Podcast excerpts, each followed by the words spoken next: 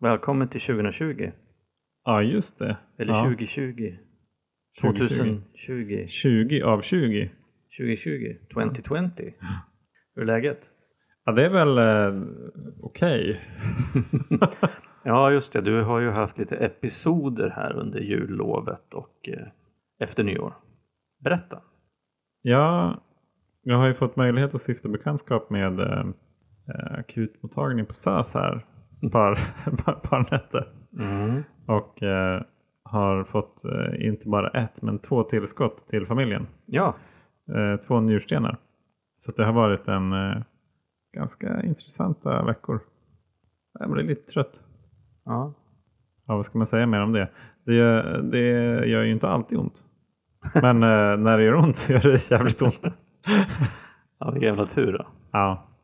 Jag tror att min stora bov har varit att, det är ungefär som, det, det är nästan som att jag har slutat dricka helt för att jag dricker alldeles för lite vatten. Ja. Men vatten får man ju dricka även fast man slutar dricka. Eh, ja, Ja, så jag får bättra mig lite. precis.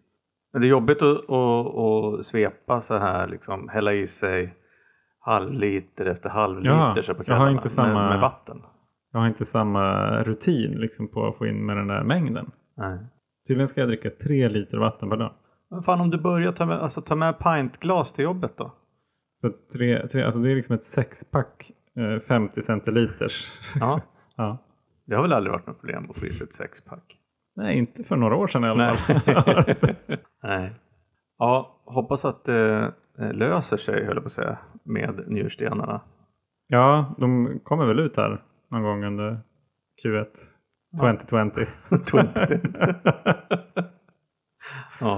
Du, jag tänkte att vi skulle passa på att prata om ja, men vardag och fest lite grann. Ja, Idag är det ju första arbetsmåndagen i januari. Denna fantastiska, mörka, blöta, dystra månad. Mm. Som sägs det. Mm. Den fattigaste månaden. Julen har varit. Nu finns det inget hopp förrän när sommaren kommer. ja precis. Både jul och nyår. Ja. Där. Årets festligaste tillfällen. Hur fan klarar vi av det? Och jag funderade på det härom, häromdagen faktiskt. Igen när jag satt på tunnelbanan. Det är bra att åka tunnelbana ibland för att man, eh, åtminstone för mig, för att börja tänka på saker. Mm. Och då tänkte jag så här att idag, efter ganska lång nykterhet då, så funderar jag inte jättemycket på det här med vardag och fest, eller vardag och helg rättare sagt. Mm. Och, ehm, och då tänkte jag att det kan ju vara värt att prata om för att hur har jag, eller vad har hänt då som gör att jag kanske tycker att jag inte behöver någonting som jag gjorde förut för att kanske klara av vardagen. Både Mm. relationer och jobb och stress och tristess och allt möjligt. Och också, hur fan gör vi sen då när det blir helg? Mm. Och vi ska liksom, vad har vi för pysventiler och hur, hur, hur varvar vi ner på fredagskvällarna och så vidare i Ja. nykterheten. Och jag har inte riktigt reflekterat över det förut. Så jag tänkte det kunde vara lite intressant. Mm. Och innan vi går in på det så, så tänkte jag så här att jag, jag såg på något, eh, något av alla sociala medier igår tror jag det var. Någon som hade lagt ut en sån här utmaning om 30 dagar utan socker, godis, bröd, skräpmat och eh, alkohol eller vin. Eller vad Ja. det nu stod. Och så tänkte jag så här, fan jag måste kolla kommentarerna. Ja, vad stod det då? Och då var det ju några, så det var ju, det var ju en handfull människor liksom ändå. Det var ganska mycket kommentarer om att dels folk som ville ta utmaningen, folk som sa aldrig i livet, det här måste jag ha varje dag. Mm. Och sen så var det också, det som stod ut, det var liksom inte kanske att folk inte ville bli av med brödet. Utan det var ganska mycket kommentarer så här, allt utom vin liksom, kan jag, bli, kan jag sluta med. Ingen helg utan vin. Nej, okej. Och lite sådana grejer. Och då tänkte jag också, för att det går ju in liksom i det här temat. Hur fan, det är ju klart att det är helg utan vin för oss. Vi har ju helg. Ja, alltså den kommer ju ändå varje helg. Ja, det gör ju det. Och ehm, då tänkte jag så här att ehm, har du funderat på, på det här? För du tyckte ju förut, innan du blev nykter, att allt var jobbets fel. För att du mådde dåligt. Liksom. Ja, exakt. Eh, Det var, en ganska, det var en ganska bekväm ursäkt. Det var, det var, någonting, Ja. det var bekvämt att skylla på det. Ja. Jag tänker nu då, så här i, i nykterheten. Vad tycker du om jobbet nu? Och vardagen och liksom det här. Nu har du precis börjat jobba igen men efter pappaledigheten. Men, men i alla fall. Ja, vad, vad jag tycker om jobbet och vardagen. ja, men jag tycker vardagen är väldigt fin. Ja. Jag tycker det är kul att att jobba. Det är väl liksom så här, hur jag, hur jag upplever vardagen eller just den dagen eller så. Det beror helt på hur jag själv mår. Mm. Och jag vet ofta om så här, nu är jag irriterad på honom eller henne. Mm. Här, då, då vet jag efter ett tag att det har ingenting med dem att göra. Nej. Och om, om det känns som att den här dagen inte var speciellt kul. Nej men vad är det jag har tappat kontakt med? Mm. Jag kommer inte på det direkt kanske. Men efter ett tag. Jag tänker så här att ehm, förut så när jag drack så var vardagen liksom lite grann i vägen. Jag kunde inte vara så full som jag ville i alla fall på jobbet. Jag drack ju på jobbet. Men eh, det var liksom någonting som var tvungen att bli överstökad så att jag skulle få göra det jag verkligen ville. Och det var ju liksom att, eh, ja det var ju dricka. Och då, då är ju frågan om liksom, vad, fan, vad fan hände då sen när jag blev nykter? Hur kunde vardagen plötsligt bli okej? Och jag tänker, jag tänker att eh, för mig var det nog så här att när den här mentala besattheten försvann efter jag slutat dricka och började, började jobba med mig själv så kunde jag plötsligt ehm, ja, men lite grann det du är inne på, så att säga, vara närvarande i vardagen och, och göra, göra liksom varje dag till någonting som är okej istället för att se det som en transportsträcka. Mm, ja, exakt. Fast jag förstår inte riktigt hur fan det gick till. Om man ska vara ärlig. Liksom, när du egentligen gjorde den förändringen. Ja. Jag tror att det var, det var någonting som hände i början av nykterheten, för mig i alla fall. Att, men någonstans, det, det var väl ungefär som ett uppvaknande. Mm. Att jäklar vad, vad mycket det finns att utforska och upptäcka. Som jag liksom inte riktigt har tänkt har varit intressant eller viktigt. Liksom det vill säga mig själv. ja. Och så här, hur många, hur många möten jag har som jag liksom inte riktigt har varit närvarande i. Som jag bara har tänkt här, "Ah, men det här, det här låter här bara få överstökat. Så jag tror att det, det väcktes någon nyfikenhet där i och med nykterheten. Både på mig själv och andra tror jag. Sen så har den dalat och toppat under, under tiden. Men den har alltid funnits där mer än vad det var förut i alla fall. Ja, jag har, jag har svårt nu att komma ihåg. För jag, jag, alltså det jag kommer ihåg och det jag har berättat om i podden tidigare det är ju det här att jag sista halvåret, året liksom vaknade upp varenda morgon och, och tänkte väldigt mycket på att jag inte ville dricka fast egentligen, jag ville, egentligen så ville jag dricka. Mm. Och när det där försvann då blev det plats för mycket mer, mycket, mer, mycket annat liksom i skallen. Mm. Och i och med att jag hade den här mentala besattheten om att tänka på alkohol eller tänka på när och hur och varför, eller varför inte jag kunde dricka just nu. För det malde liksom i skallen hela tiden. Då blev ju dagarna, alltså någonstans så blev ju dagarna, timmarna och minuterna blev ju liksom bara transportsträcka till jag skulle kunna få dricka. Mm.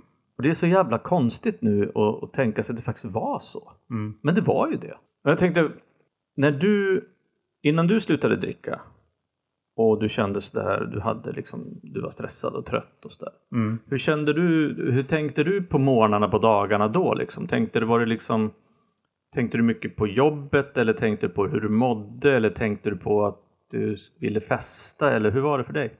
Det som jag kommer på nu är en ganska tydlig bild liksom av eh, hur det var där sista halvåret. Så var det ganska många dagar som började kämpigt.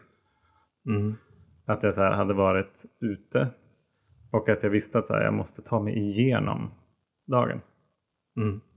Eh, jag visste att jag hade ja, möten under dagen. Jag hade prestationer som jag ville klara av. För att jag ville ju inte att någon skulle liksom, ha någonting att ta, Mm. ta mig på.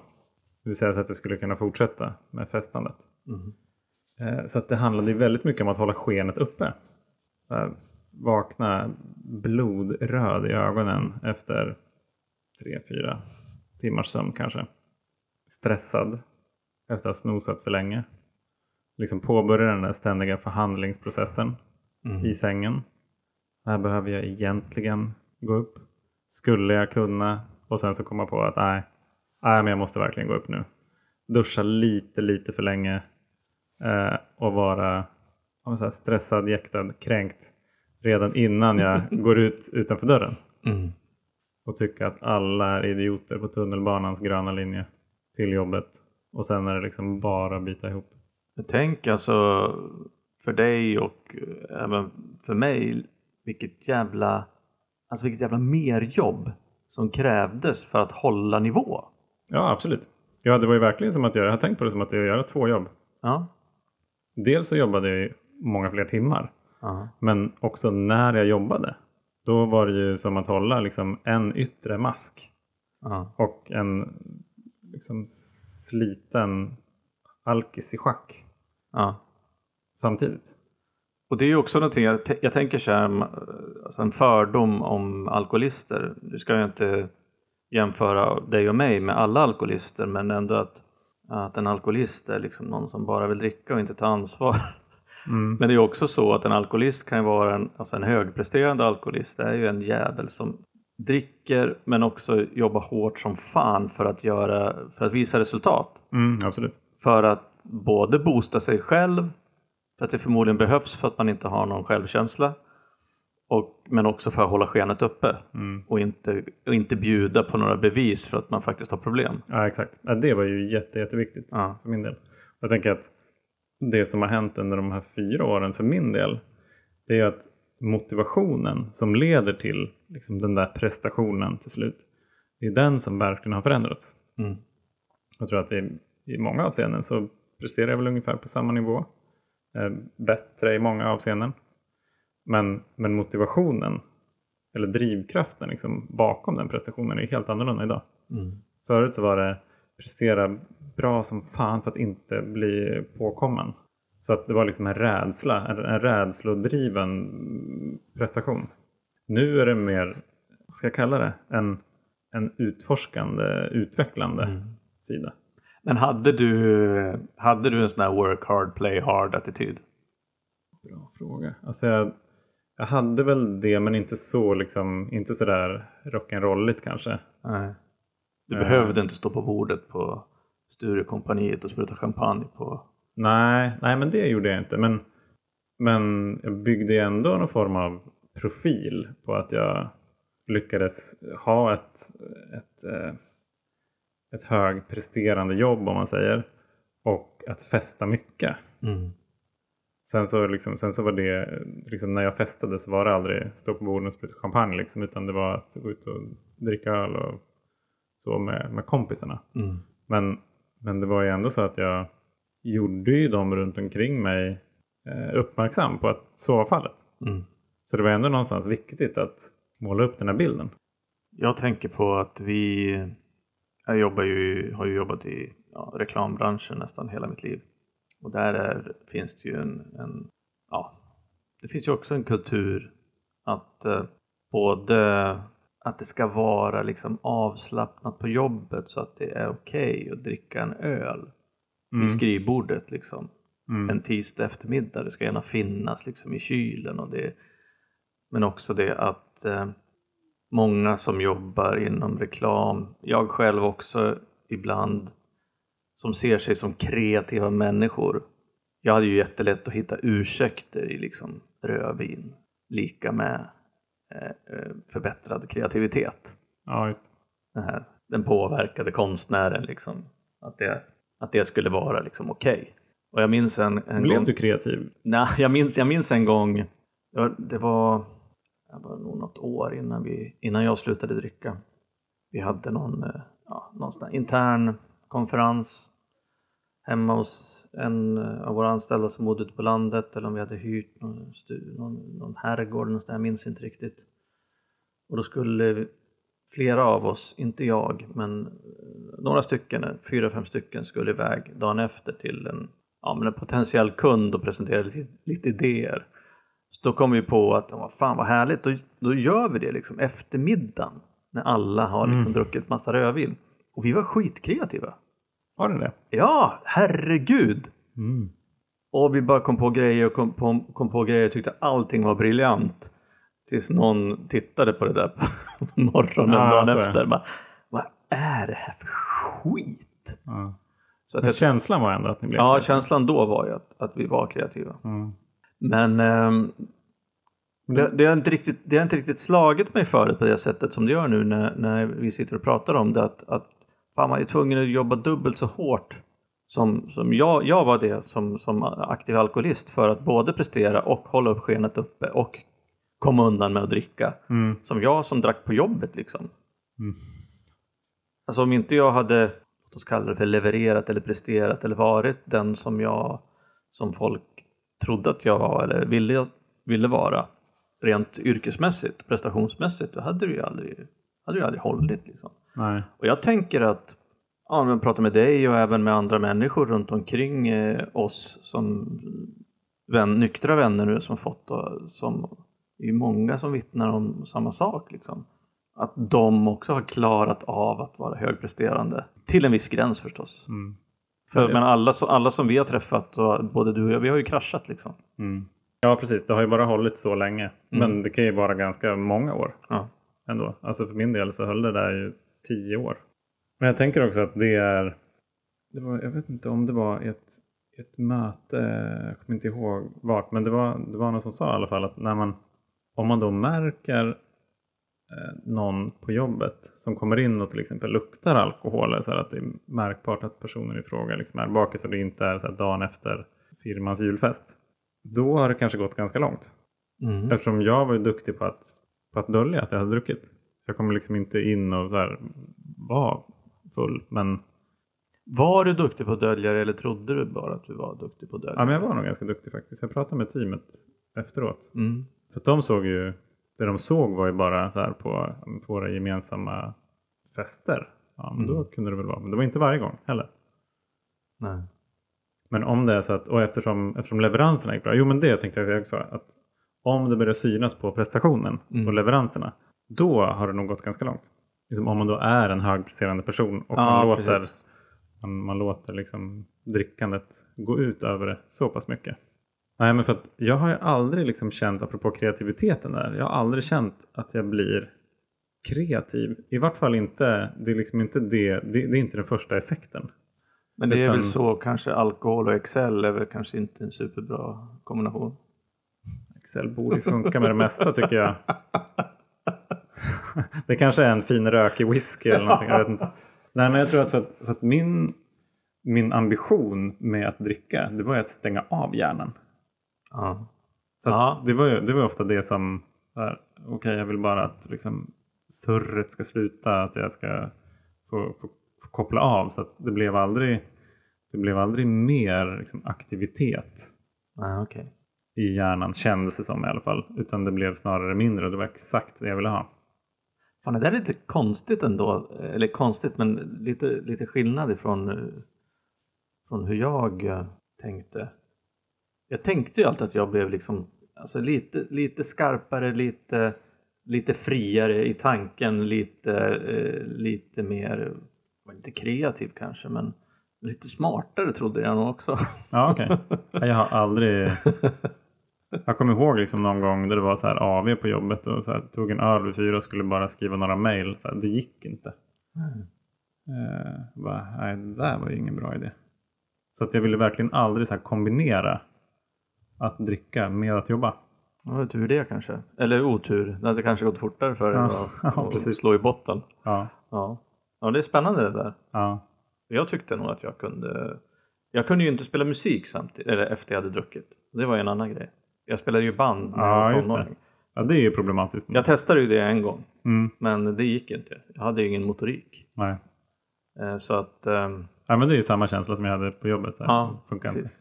Men ehm, det här med stress då, tänker jag. Ja, Alltså, jag inbillar mig, nu sitter jag här och alkisissar, Ja. men eh, att eh, en hel del människor kan se liksom eh, det här, ett glas vin eller ett glas öl här, efter jobbet som är liksom en, en stressupplösare. Mm. Man blir lite varm i kroppen och avslappnad och sådär.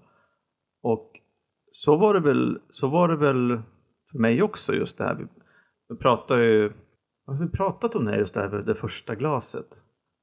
Eller var, var det någon som skrev om det? någon, någon som hörde av sig till oss? Eh, men just det där att, man, att liksom det första glaset är så, första klunkarna, första glaset. Mm. Att det liksom gör sån jävla stor skillnad i kroppen och i skallen. Mm. Att man känner sig plötsligt, från att ha varit eh, stressad så blir man skön. Och jag tänker att så var det för mig. Men jag tror inte det berodde på att jag var stressad över jobbet. Utan det var bara för att jag var helt besatt av att jag skulle få dricka. Ja. Så att så länge jag inte fick dricka så signalerar ju hela, hela min, min liksom hjärna och allting signalerar ju att allt, någonting var fel. Mm, ja, precis. Att du inte hade allt du behövde egentligen. Nej. så att exakt. när jag fick i mig liksom den här första klunken och visste att nu är det lugnt. Mm. Då så slappnade jag av. Ja, men det är ganska logiskt ju. Ja. Men fan, känner du att du liksom kan hantera vardagen idag utan, ja det är uppenbart att du kan det, men liksom utan alkohol eller utan, eh, vad ska man säga, utan hjälp att slappna av? Utan extern hjälp? Mm. Ja, men alltså, jag, jag tänker, jag tror att när man är mentalt besatt av någonting så, så, är, eh, så är man, eller så här, jag var ju inte det bara av alkohol utan av massa grejer. Ja. Och det, det gifte sig väldigt bra eftersom vi var mentalt besatt av alkohol och drack ofta.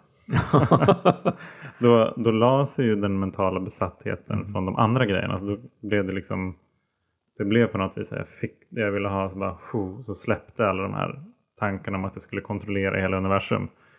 Och i takt med att jag blir nykter eller nyktrare, jobbar i tillfrisknandet så, så går ju den här mentala besattheten ner. Mm. Så att det finns heller inte samma behov av att stressa av. Jag tänker så här, om jag är, även fast jag inte är mentalt besatt av alkohol så kan jag vara mentalt besatt av att eh, kontrollera Ja, relationer exakt till tänkte exempel. Ja, eller... Eh, ja, vad det nu må vara. Och det är klart att då kan jag bli stressad av det hela, hela tiden. Så då har jag en massa stress att, att hantera. Ja. Men hur gör du idag om du känner att du får ett påslag? Liksom? Har du någon sån här realtidstrick? Liksom, äh, nu, nu känner jag att jag är spänd liksom, i nacken hela, och eh, att jag inte har kontroll över situationen. Kanske. Ja, men en grej som ett av våra tidigaste avsnitt var så här stress och ångest. Mm. om, tror jag. Den jag känner så här, oj nu är det bara för mycket. Och så kan det kännas som ett stort jävla ångestmoln man behöver, eller som jag behöver hantera. Så försöker jag ofta bena ut det där i, liksom, i, de, i, i de ingående beståndsdelarna. Vad är det egentligen? Och då kan det vara saker som jag känner mig orolig inför att inte prestera bra till exempel. Och jag känner mig eh, rädd för att eh, inte nå si eller så. Eller, ja, sådär. Och när jag väl har kommit på de här ingående komponenterna, då är det mycket lättare att hantera. Mm. Då kan jag ta dem liksom en och en. Istället för att försöka hantera det här liksom ångestmolnet i en klump. För det går sällan. Liksom vilka, jag, måste, jag måste ha liksom någon, någon tråd att börja dra i. Hur gör du? Jag eh, sitter och tänker på det du säger just nu och det, jag, jag känner väl att jag känner igen mig i det. Men jag tänker så här att för mig så, så krävs det liksom, tror jag, ett steg före det. Mm. Det är liksom så där att, att man inser att nu är det för mycket. Mm. Och då behöver jag, då behöver jag, eller jag brukar rättare sagt, liksom, det är ju inte ens ett tips utan det här är ju, det här vet väl folk. Liksom, det är bara att sätta sig, ta ett par djupa andetag. Sinnesrobönen är ju, är ju jävligt Mm. bra liksom. Gud ge mig sinnesro att acceptera det jag inte kan förändra. Mod att förändra det jag kan och förstånd att inse skillnaden. Och så, och så bara kanske blunda och ta några yoga-andetag. Och, Mm. För att jag måste komma ner ifrån den här nivån Mm. först innan jag kan göra det där som du säger. Det är ju någonting som jag också har tränat på. Men det är också det, det som du sa tidigare i samtalet idag, just där att det kan ju ta ett tag innan jag inser att jag börjar liksom komma upp i varv. Mm. Det kan ta dagar kanske ibland. Men när jag väl inser det, då så kan jag säga så här, ah, Roger du är liksom all over the place nu. Mm. Nu får du liksom be en bön, ta några andetag och sen liksom det kommer lösa sig. Mm. Och det funkar för mig. Ibland måste jag kanske göra det flera gånger för att det kanske är jag kanske inte kan reda ut allting på en gång och då blir det någonting som fort... Det är inte så att jag blir immun mot stress. Nej. Nej, precis. Utan jag kanske måste göra det men det är just det att jag inser att jag, jag kan faktiskt genom att släppa taget lite grann om saker och ting och inte försöka kontrollera allting så kan jag faktiskt gå ner i stress. Mm. I stressnivå och det är ju inga konstigheter. Men tidigare så var liksom inte det ett alternativ. Nej. Utan då var det så här, köra in i väggen och sen bara tänka att om två timmar så får jag liksom, då, det här, då kan jag gå hem och hälla i mig Jag en kunde ju- låda vin. Jag kunde ju känna förut och även ibland nu att jag kan bli lite hög på stress. Mm, ja, det har du pratat om. Ja. Att det, är, eh, det blir liksom som ett, som ett rus nästan. Även fast det inte är enbart positivt så, så är det ändå en, nå, någonting som jag kan bli hooked på. Så jag hade en, jag undrar om det var typ förra hösten eller sånt där. Så, så lärde jag mig att säga så här istället, det var, det var ganska mycket som jag hade på, på bordet liksom samtidigt. Och istället för att bara slentrianmässigt säga att ah, men jag är stressad. Så är det så här, ah, men det är ganska innehållsrikt. Och det, bara det ordvalet gjorde att så här, ja det är innehållsrikt men det behöver inte betyda att jag per automatik blir stressad. Kan bli det, men det behöver inte betyda att det blir det. Och om jag blir det så är det alltid så att jag har valt att bli det. Medvetet eller undermedvetet. Mm. Jag tänker så här, alltså, jag sitter nu och faktiskt kan formulera lite grann alltså hur, hur jag hanterar kanske en trist eller stressig eller rutinmässig vardag. Och jag tänker så här, två viktiga nycklar för mig är ju eh, tacksamhet och närvaro. Mm. Eller närvaro och tacksamhet. Det vill säga att jag idag har möjlighet och verktyg för att faktiskt kanske stanna upp en tiondel sekund och känna liksom att fan, vilket jävla bra ställe jag är på i livet. Liksom. Mm. Fan vad bra jag har det. Jag är så glad över liksom mitt liv och mina relationer och mitt jobb och vänner och hela kontexten som jag är i. Och då känns det plötsligt bättre. Vad heter det? Har det varit, har det varit några utmaningar på vägen? Att, liksom att få dig själv att tillåta dig att känna det? Ja, jag tror en av utmaningarna, jag pratade faktiskt med en kompis om det idag, det är en av utmaningarna det är nog en oförmåga att, eh, eller vana, att inte stanna upp och vara tacksam. Utan bara mala liksom utmaningar och hinder. Mm. Ja. Och det, det, det är liksom här att ändra, ändra synsätt. Och jag vet inte, det är så rent som jag tar, tar in livet. Det kanske är det som är, och det har vi pratat om förut. Det har vi pratat om med någon gäst tror jag. Just det där att det är, det är så viktigt för människan att ta, att man tar in liksom det som är farligt. Mm. För att det är mycket viktigare för människans överlevnad. Än det som Ja, är okej och bra. Hantera riskerna. Ja, precis. För att det som är bra, det är ju ändå bra. Det behöver man inte hantera. Nej. Utan det som man behöver hantera, det är det som kan ställa till det för en. Så därför tror jag också att, att eh, jag har ingen vetenskap, inga vetenskapliga belägg för att det faktiskt är så. Men jag tror att jag känner att jag har mycket lättare att liksom, hantera, värdera och prioritera risker eller hinder eller, eller besvikelser eller ilska. För att det kommer till mig. Medan det, det här bra som rullar på, det ligger som en jävla liksom, plattform där under och bara, ja men det funkar, det behöver jag inte bry mig om. Mm. Så försöka vända på det där istället och, och som leva, försöka vara närvarande i, i tacksamhet och det positiva. Mm. Exakt. Och klappa, så jag, jag gillar inte uttrycket klappa sig själv på axeln och jag gör det väldigt sällan men ändå ha någon, bygga upp, träna på att ha någon, liksom, någon tacksamhetsnivå. Mm. Jag tror att det är nyckeln till att ha ett lyckligare liv. Jag läste, jag håller på och läser en bok nu som heter, eh, som heter Everything is fucked. Mhm. A book about hope. eh, Av Mark Manson. Mhm. Och den är eh, svinbra, jag kan varmt rekommendera den. Och där, eh, han går igenom en massa intressant forskning i alla fall. Och han, eh, ett stort forskarteam som har gjort undersökningar på hur, hur lyckliga folk är. I olika länder, olika kulturer, i olika åldrar med olika rikedom eller fattigdomsnivå. Och det visar sig att de absolut allra flesta ligger på en sjua. Oavsett hur mycket pengar du har, eh, som, vart du bor, hur gammal du är och så vidare. Eller vilket land du bor. Och att de här eh, sakerna som händer som är tragiska i livet, till exempel när någon nära går bort. Det gör att eh, den här lyckonivån då kan gå ner till så här, mellan en två och en femma beroende på vem det är. Men att den efter några veckor går upp till en sjua igen. Eh, och omvänt att om man vinner mycket pengar eller det händer någon, man kanske gifter sig eller någonting. Att så här, då får man en, liksom en spike i den där, kan gå upp till så här 9-10. Men sen så går det ner till en sjua igen. Mm. Så att vi på något vis så vi anpassar oss så jävla snabbt till, våra, till vårt sammanhang och våra förutsättningar som vi har. Så att vi liksom ligger alltid där och maler runt en sjua. Ja. Och jag tror att det som skulle kunna få det där att hoppa upp ett steg mer, liksom, mer eller mindre permanent. Det är ju att ha en rutin av tacksamhet. Jag tänker, det här har vi också pratat om förut, ehm, just det där att människor, eh, det här med förlustaversion. Mm. Att det är mycket, det känns mycket mer att förlora någonting än att vinna någonting för människor. Mm.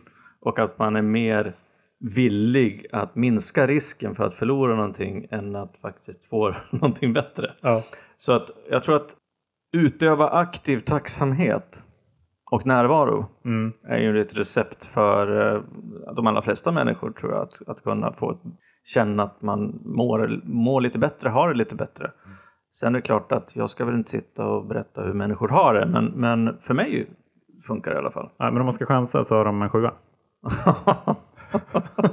men du, jag tänkte vi, vi, vi hoppar vidare till, till nästa fråga som Ja. är så här. Hur fan vet man att det är helg om man inte får dricka sig full?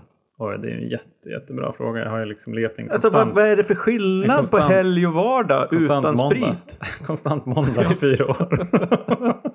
Hur vet man?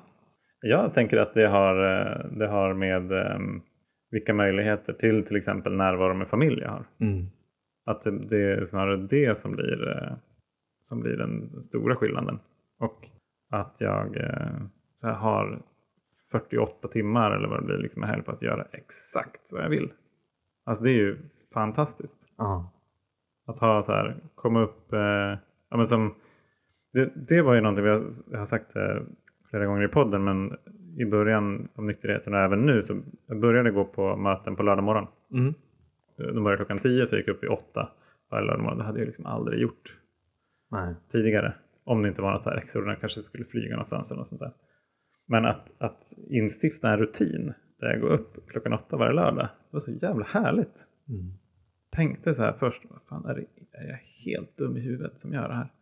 Kanske jag var och är fortfarande, men, men, men känslan som jag hade när jag tog promenaden så här genom ett Stockholm som fortfarande slumrar lite grann och är på väg till ett möte och ska träffa andra nyktra och få höra någon dela sin life story och bara liksom checka in i en andlig gemenskap. Mm. Helt fantastisk och är fortfarande. Jag liksom verkligen längtat till helgen liksom tack vare det. Mm. Och sen veta att, att jag har tid liksom lördag. Jag kommer inte vara bakis söndag. Eh, vi kan till och med eh, träffa folk på liksom, frukost eller brunch en söndag. Alltså det fanns så oändligt mycket tid Mm. att göra saker. Det var som att jag fick två helger i en. Ja. Eftersom jag tidigare så sov jag ju bort dagarna. Och sen så var jag ofta så, ofta så full så jag inte kom ihåg någonting Nej. när jag var vaken. Ja, det är intressant det där. Jag har ju, jag ska, inte, jag ska inte sitta här och överdriva, men någon eller ett par gånger i månaden, tre gånger i månaden kanske i, i bästa fall. Så jag brukar försöka komma iväg på ett möte på fredag kväll Ja, just här på Söder. Och det är ju lite speciellt för det är ju slut då strax, man brukar komma ut strax före nio på Mm. kvällen. mm.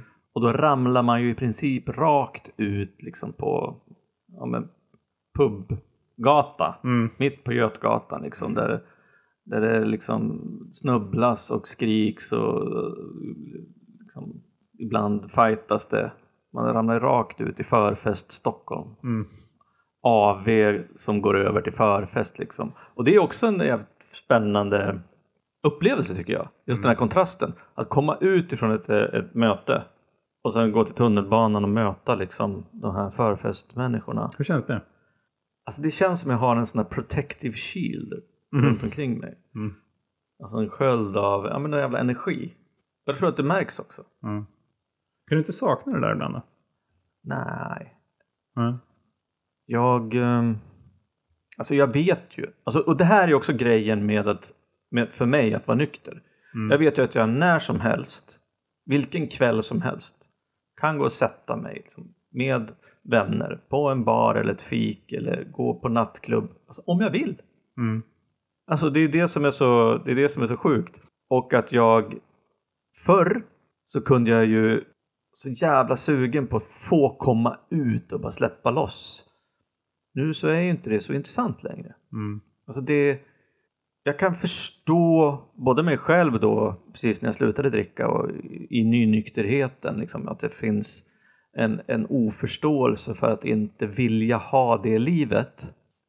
Men idag så är det ju är inte någonting som jag liksom behöver. Och det är ju också, eh, det är ju också helgerna så jävla sköna. Det här har vi inte pratat om tror jag, men, men jag var ju ute, vi hade ju lånat hem en extra hund på nyår. Mm. Så på, på nyårsdagen när då ja, Jennys ungar hade sovit, de sov, de skulle ju dygna. Mm. Det gör man ju när man är 10 och 12 år. Mm. Eller man vill det i alla fall. Jenny hade varit uppe, jag hade gått och lagt mig ganska tidigt eller före de här. Så att då tog jag ut hundarna liksom bara och gick så på, på morgonen. Mm. Och det var så jävla skönt att få, få, få uppleva det där. Inte för att jag var nykter, inte för att jag liksom inte var bakis, utan just där att för att jag ville göra det. var något som jag ville göra. Mm. Jag ville ta ut hundarna, jag ville gå en lång promenad liksom. Mm. Längs eh, Mälaren, liksom ut från eh, Liljeholmen ända bort typ till Mälarhöjden. Var ute så här, en och en halv timme innan Jenny kom och hämtade mig med bilen. Och så, det är så här, det är precis som du säger att, att jag kan faktiskt välja att göra precis det jag vill. Och idag så vill jag göra andra saker än när jag drack. Mm. Ja, precis. Punkt. Ja, exakt. Och det är ju, jag, jag var ju rädd där i början av nykterheten att jag skulle känna att jag liksom uppoffrade någonting. Eller att jag liksom ja försakade någonting som jag verkligen ville göra. Och det var det väl till en början. Alltså det finns ju någon, någon slags liksom inre stridighet.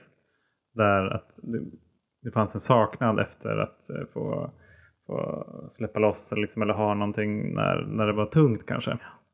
Eller fira. Kanske det var ännu jobbigare för mig. Så här, fira liksom. Men sen, jag vet inte när, men, men efter ett tag så, så var det som att jag ville någonting annat. Mm. Och, och då stod inte det som, jag, det som jag ville i kontrast med det som jag fick. Nej.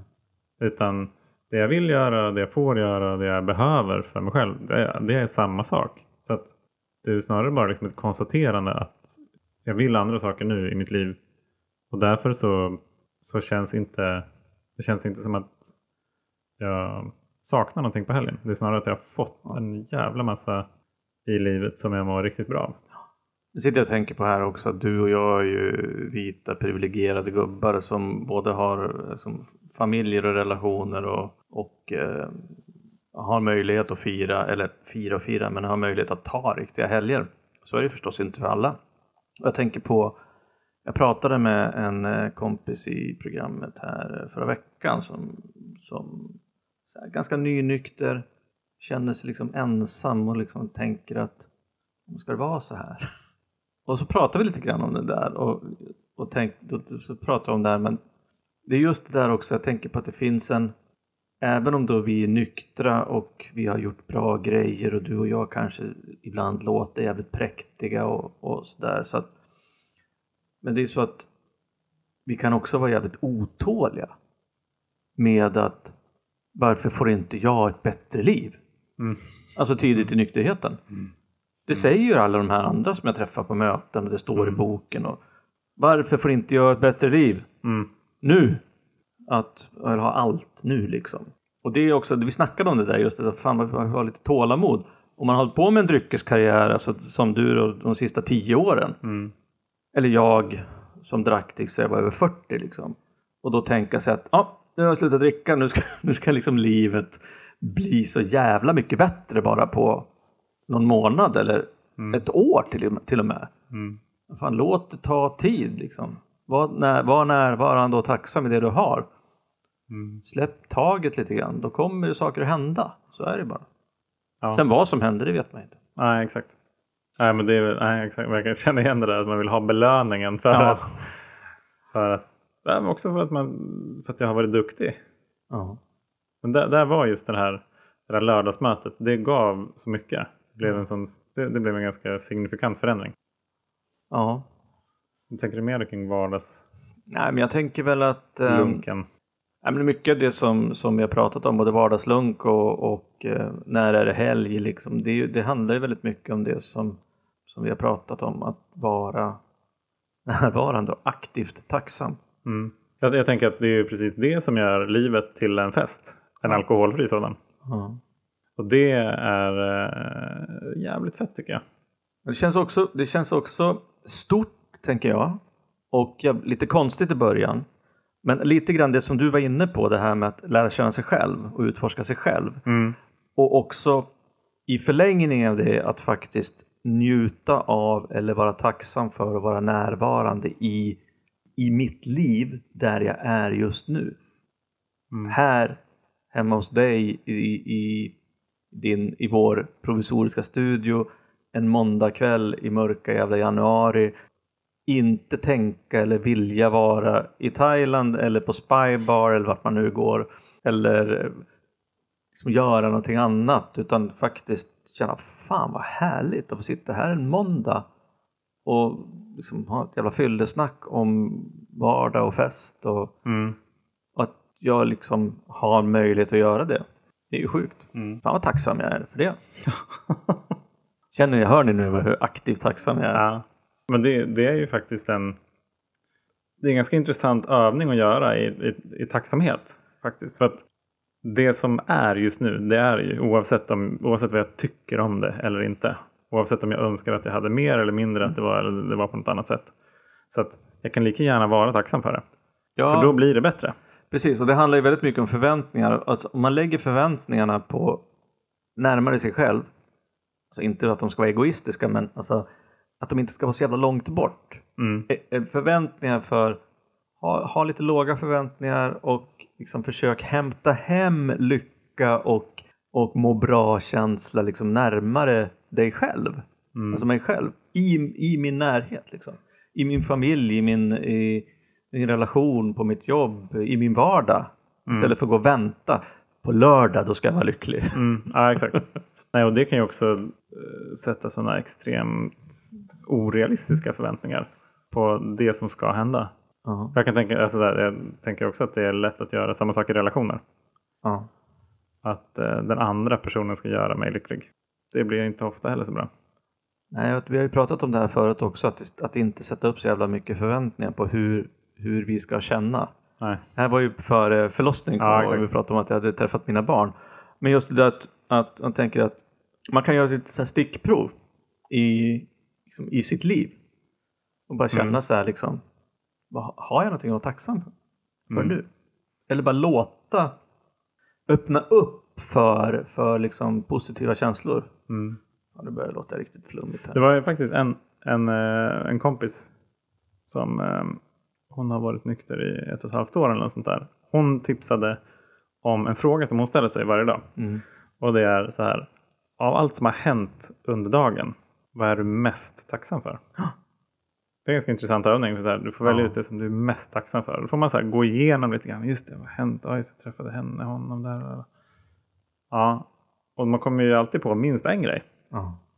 Ofta så får man ju kontakt med mycket, mycket mer. Jag och Jenny gjorde den här um, TGIF, eh, Mm. eh, Brené Brown-grejen här igår tror jag det var när vi hade storstädning. Och vad är det då? Det är What do you trust? Eh, alltså, tacksam för eh, inspiration och fun. Eh, vad är det? Trust, gratitude, inspiration and fun. Mm. Och då frågade hon så här, vad, vad liksom Alltså vad tycker du var roligast under jullovet? Och då kom jag på någonting som, som jag tyckte var så här. Jag blev förvånad över att jag kände att det hade varit det roligaste. Mm. Och det var att ja, men vi, när vi hade lånat den här extra hunden. Ja. Då var vi ute och gick liksom på nyårsafton. Tror jag det var. Eller dagen innan möjligtvis. När det var kallt ute. Det var is. Eh, I Hellasgården. Längs liksom sjön. Mm. Och det var så jävla härligt. Och så kom jag på det igår när vi satt och pratade om det här. Jag bara, det var så otippat att det var liksom det som dök upp i min, i min skalle.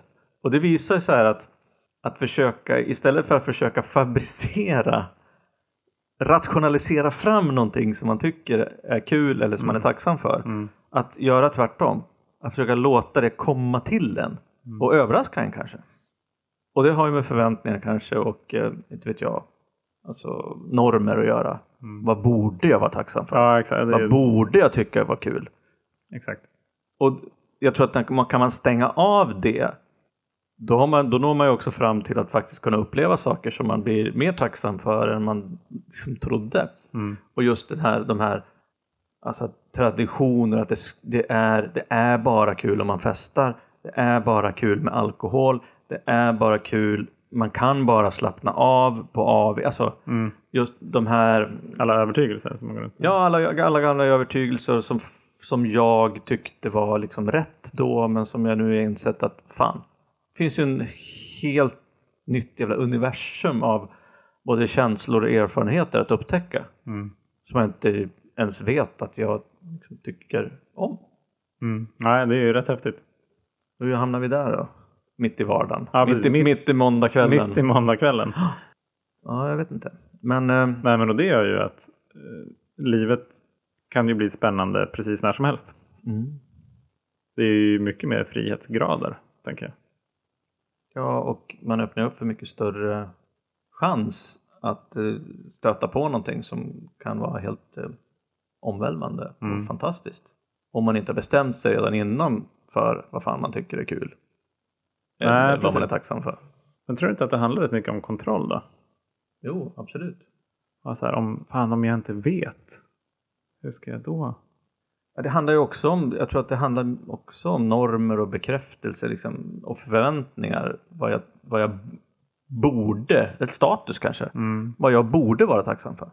Vad jag borde tycka är kul. Typ som att inte göra fel eller? Ja, typ. Alltså om jag är en eh, vit man i 50-årsåldern som bor i Stockholm så borde jag, borde jag ha ett sånt här liv. Mm. Borde jag tycka att det här är bra.